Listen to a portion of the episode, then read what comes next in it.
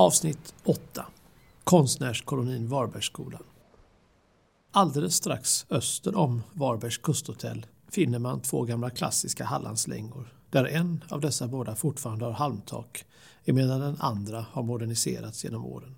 Det var i dessa båda gårdar som konstnärskolonin Varbergsskolan höll till under flera år. Konstriktningen syntetism kännetecknas av en långt driven förenkling av bildmotivet med sammanhängande färgfält. Denna stil var en reaktion mot det realistiska landskapsmåleriet på 1880-talet. För Sveriges del kom denna ism att utvecklas och befästas av den då så kallade Varbergsskolan som bland annat höll till i en av granngårdarna nere i Appelviken. Konstnärskolonin Varbergsskolan bestod av konstnärerna Nils Kröger, Karl Nordström och Rickard Berg. Redan på hösten 1887 kom konstnären Nils Kröger till Varberg med sin familj.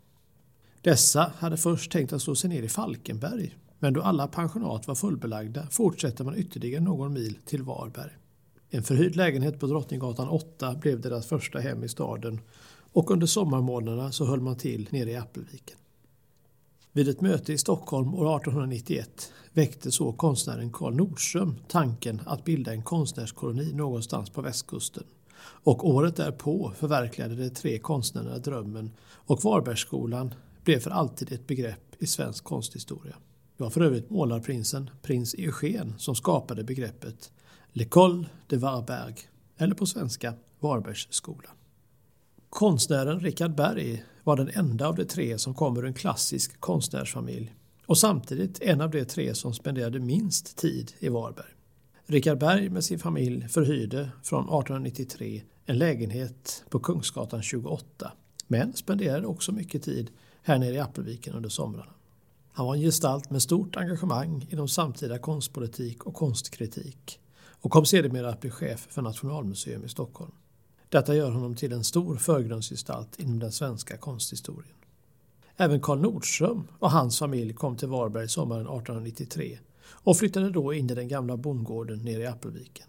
Denna gård som tidigare hade nyttjats som sommarbostad åt både Nils Kröger och Rickard Berg.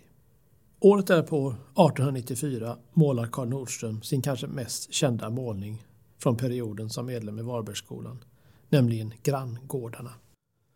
Målningen är en oljemålning på duk och har de imponerande måtten 96 x 196 cm. Och på målningen ser vi hur gårdarna tedde sig under den tiden som konstnärerna vistades i omgivningarna.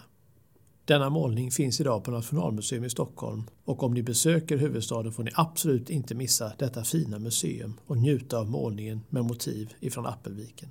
Gårdarna förekommer ytterligare vid ett flertal tillfällen som motiv hos samtliga av de tre konstnärerna i teknikerna tusch, kolkrita och blyerts. Att konstnärerna trivdes bra i Varberg kan man förstå genom den stora mängd av brev som sändes ifrån de tre konstnärerna till vänner och kollegor. I ett brev till konstnärskollegan Georg Pauli så skriver Karl Nordström Här sparas inte på färg. Det är ett gudomligt hål det här Varberg. Jag skulle aldrig tro att jag skulle komma att trivas så bra.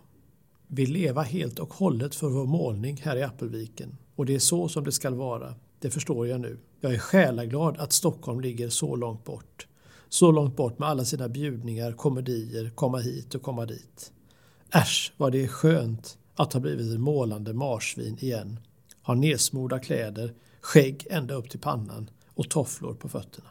Under mitten av 1890-talet började det bli lite grus i vänskapsmaskineriet hos de tre konstnärerna i Varbergsskolan och i september 1895 lämnar Karl Nordström med sin familj Varberg för att återvända till Stockholm. Och I början av året därpå lämnar så Richard Berg Varberg för huvudstaden och i mitten av samma månad avreser även Nils Kröger med sin familj och konstnärskolonin Varbergsskolan återförenades aldrig mer. Innan Krögers avresa hölls en avskedsfest av de många vännerna i Varberg där stadens honoratiores med ingenjören och stenhuggeriägaren, filantropen Hugo Gerlach i spetsen. Här hölls fantastiska hyllningstal över Varbergsskolans verksamhet i staden. Nils Kröger var den första av de tre konstnärer som anlände till Varberg och var också den sista som kom att lämna detsamma. Efter att Varbergsskolan upplösts återvände Nils Kröger många somrar ända fram till sin död 1930. Idag manifesteras de tre konstnärernas minne bland annat genom att gatorna i området omkring Varbergs kusthotell är uppkallat efter dem.